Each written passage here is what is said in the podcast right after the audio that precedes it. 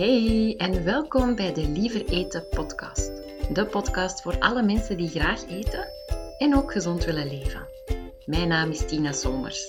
Ik ben diëtiste en ben gespecialiseerd in intuïtief eten, lichaamsbeeld en eetgedrag.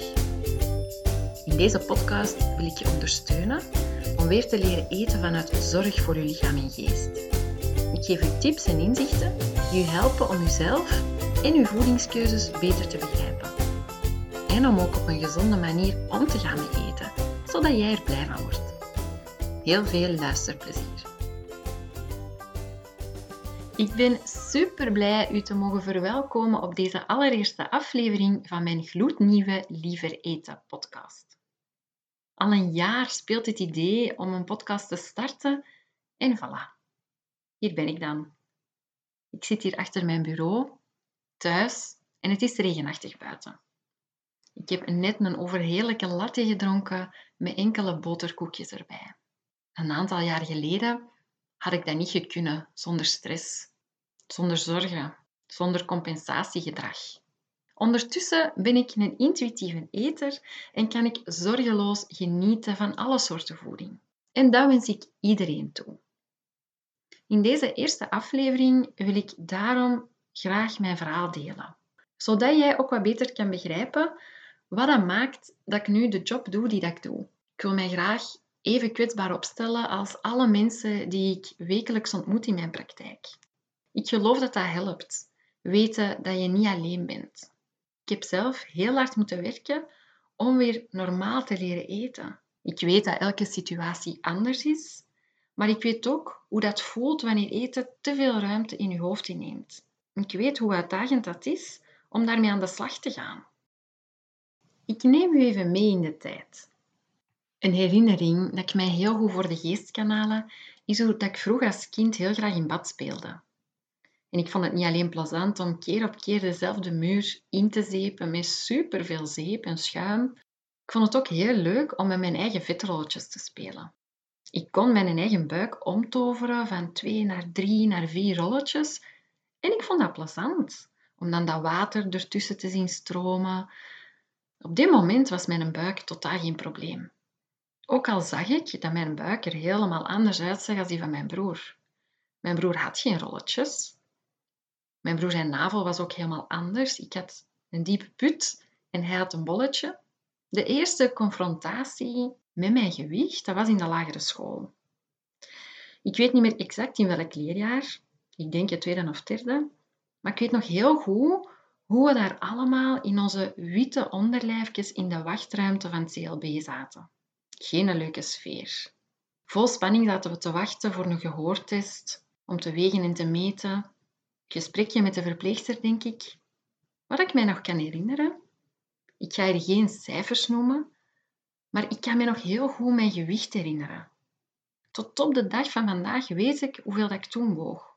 Ik weet ook dat ik toen een van de zwaarste van de klas was. Er werd verder geen spel van gemaakt. Ik bleef een vrolijk kind dat hard haar best moest doen om de tafels uit haar hoofd te leren en ik kreeg extra ondersteuning voor lezen. Als hobby ging ik twee keer per week naar een turnkring. Ik vond dat leuk om te gaan, ook al was ik niet zo goed in turnen. Na enkele jaren kon ik allerlei sprongen op de trampoline, maar een ratslag heb ik nooit met flair kunnen uitvoeren.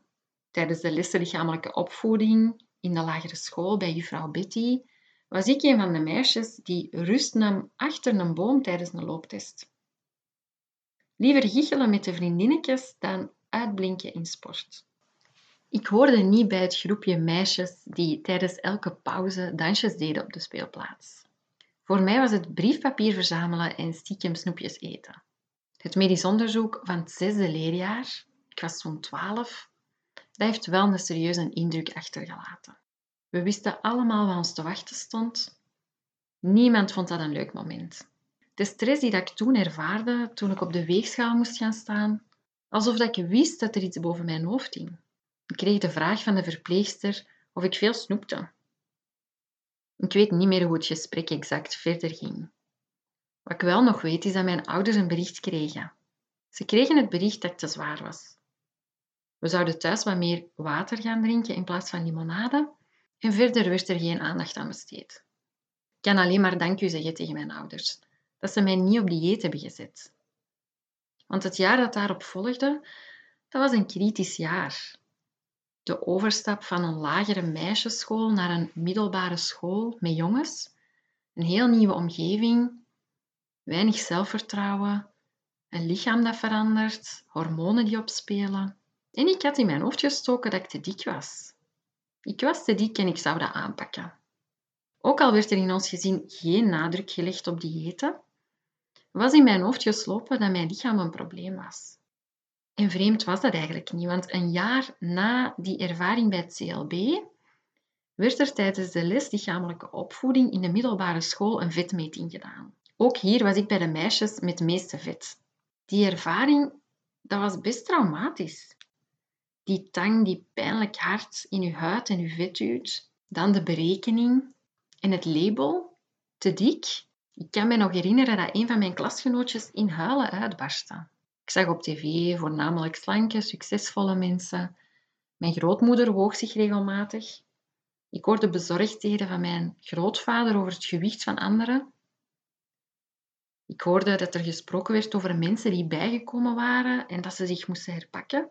Mijn vriendinnetjes spraken over diëten. Die hadden wel mama's die daar veel mee bezig waren. Ik ben absoluut niet opgegroeid in een familie waar er expliciet en regelmatig gesproken werd over diëten. En toch pikte ik dat op. Ik pikte op dat slanker zijn beter is. De zorg rond mijn gewicht en mijn lichaam, dat is in de middelbare schoolperiode en nadien alleen maar gegroeid.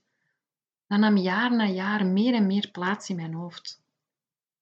En als ik er nu van op een afstand naar kijk, met de kennis die ik heb over de ontwikkeling van een tienerbrein, kan ik dat goed begrijpen. Ergens bijhoren was een van de belangrijkste uitdagingen in die levensfase. Ik ondernam acties om gewicht te verliezen en in het begin lukte dat, maar na verloop van tijd mislukten die pogingen. Elke keer opnieuw. Ik weet nog hoe dat, dat ook echt een onderwerp was bij ons als vriendinnen. Een van mijn beste vriendinnen werd ineens heel dun. Een andere vriendin zat bij mij te huilen omdat ze van thuis krakotten met kippenwit moest eten, omdat ze toch wat moest oppassen. Ik ga jullie de details besparen van alle acties die wij samen en die ik alleen ondernam om gewicht te verliezen.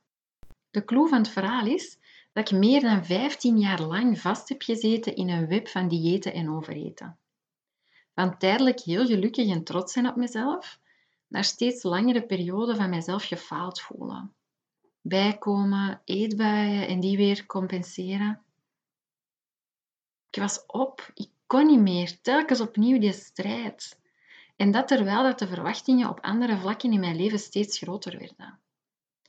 Ik diende mij aan te passen aan de scheiding van mijn ouders, het volwassen leven, een stabiele relatie opbouwen, werk combineren met de was en de plas en een sociaal leven met hobby's.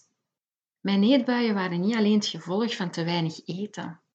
Eten was ook een manier om met emoties om te gaan. Ik heb dat nooit geleerd om emoties te uiten. Ik heb nooit geleerd om ermee om te gaan. Dus ik duwde emoties weg. Ofwel door mij af te leiden van mijn emoties en mij te focussen op maaltijdschema's en als dat niet lukte, dan overhad ik mezelf, totdat ik niks meer voelde. Nadien verplichtte ik mezelf dan om te gaan sporten, omdat ik bang was om bij te komen. Zo ontzettend vermoeiend.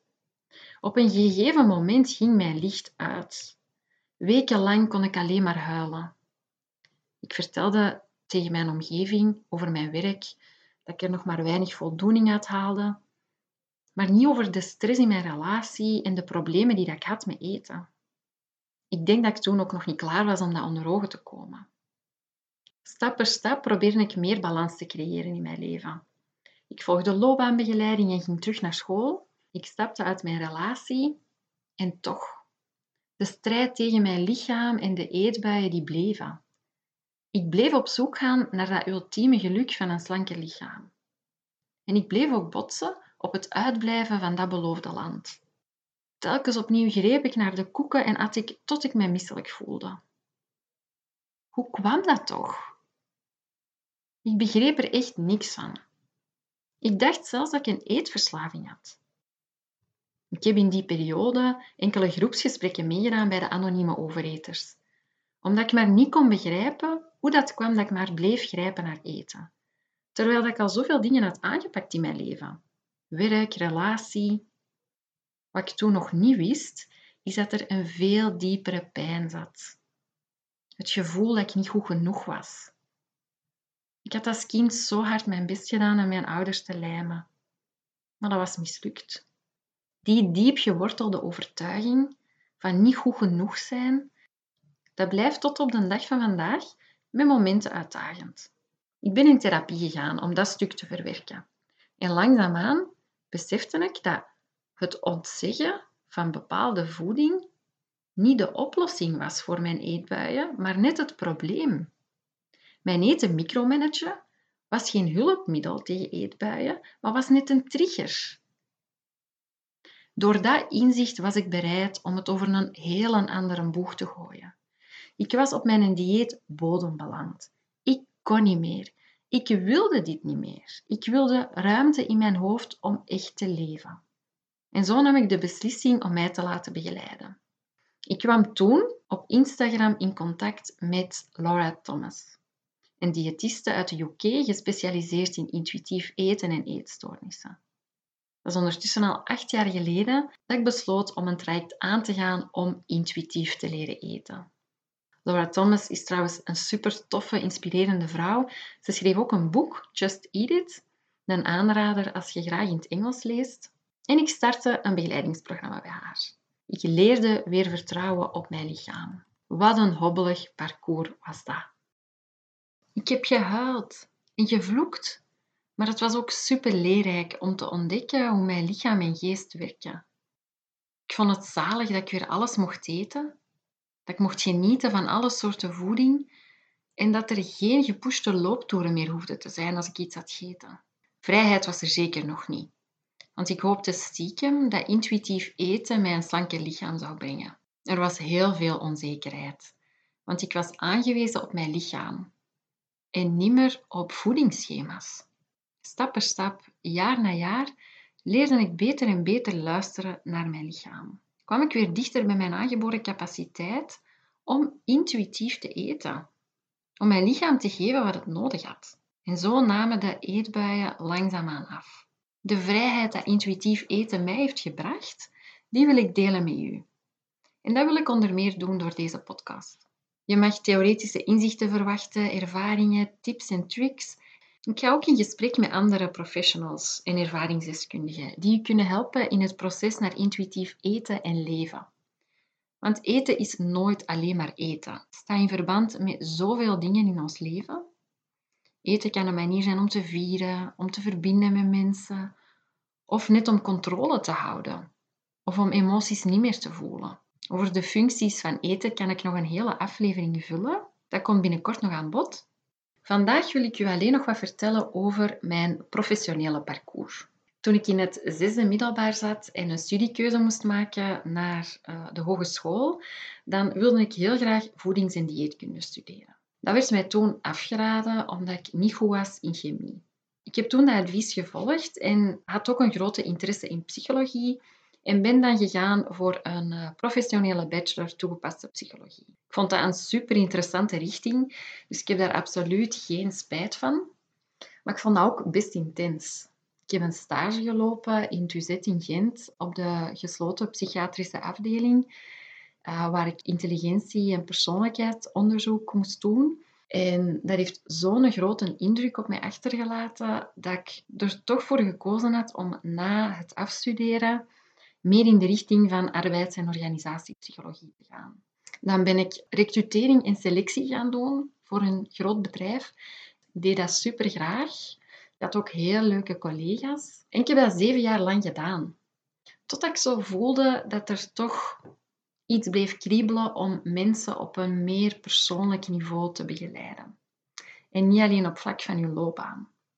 Ik koos ervoor om loopbaanbegeleiding te volgen en mij eh, te laten ondersteunen in het maken van een keuze. Op dat moment waren er uh, privé wel heel veel dingen gaande. Ik was aan het verbouwen. Mijn relatie zat eigenlijk ook niet helemaal goed. Ik voelde mij super slecht in mijn vel, want de issues met eten die werden alleen maar groter en groter. Toch voelde ik een vuurtje branden in mij om voedings- en dieetkunde te gaan studeren. Enerzijds om echt mensen persoonlijk te kunnen begeleiden naar een gezonder leven, want gezondheid ligt mij heel nauw aan het hart. Maar anderzijds dacht ik ook dat als ik die studie ging doen, dat ik eindelijk zou kunnen afvallen. Dat eindelijk die strijd met eten ook voor mij persoonlijk over zou gaan. Dus ik ben aan die studie begonnen. Ik ben voedings- en dieetkunde gaan studeren in mijn twintiger jaren, eind twintiger jaren. Ik heb dat gedaan als werkstudent, dus ik combineerde werken met studeren. Ik heb er ook iets langer over gedaan dan de reguliere drie jaar. Net omdat ik dat combineerde met verschillende jobs. Want ondertussen was ik dan met mijn toenmalige vriend uit elkaar gegaan, moesten we een huis verkopen, had ik ook schulden af te betalen. Eh, was ik terug thuis gaan wonen, best heftig allemaal. Het meest moeilijke stuk was mijn stage. Mijn stage in mijn laatste jaar voedings- en dieetkunde, daar kwam ik terecht in een eh, privépraktijk van diëtisten die zich vooral focuste op het begeleiden van vermageringsdiëten. En ik zat toen al in mijn eigen proces naar intuïtief eten. Dus ik was al die begeleiding gestart en ik was daar eigenlijk heel goed mee bezig. Maar door die stage, door die confrontatie met die vermageringsdiëten, en ik moest, ik moest dat aan mensen gaan uitleggen. Ik moest dat leren, hoe dat ik mensen kon helpen om gewicht te verliezen, om uh, een maaltijdschema te volgen. Ik moest die maaltijdschema's maken voor mensen dat triggerde mij zo hard dat ik weer helemaal was hervallen. Dat ik zelf ook terug ben gaan diëten. Dat ik ging geloven dat het een goede manier was om een eetschema te volgen. Die eetbuien begonnen terug. Ik ging er mentaal helemaal aan onderdoor.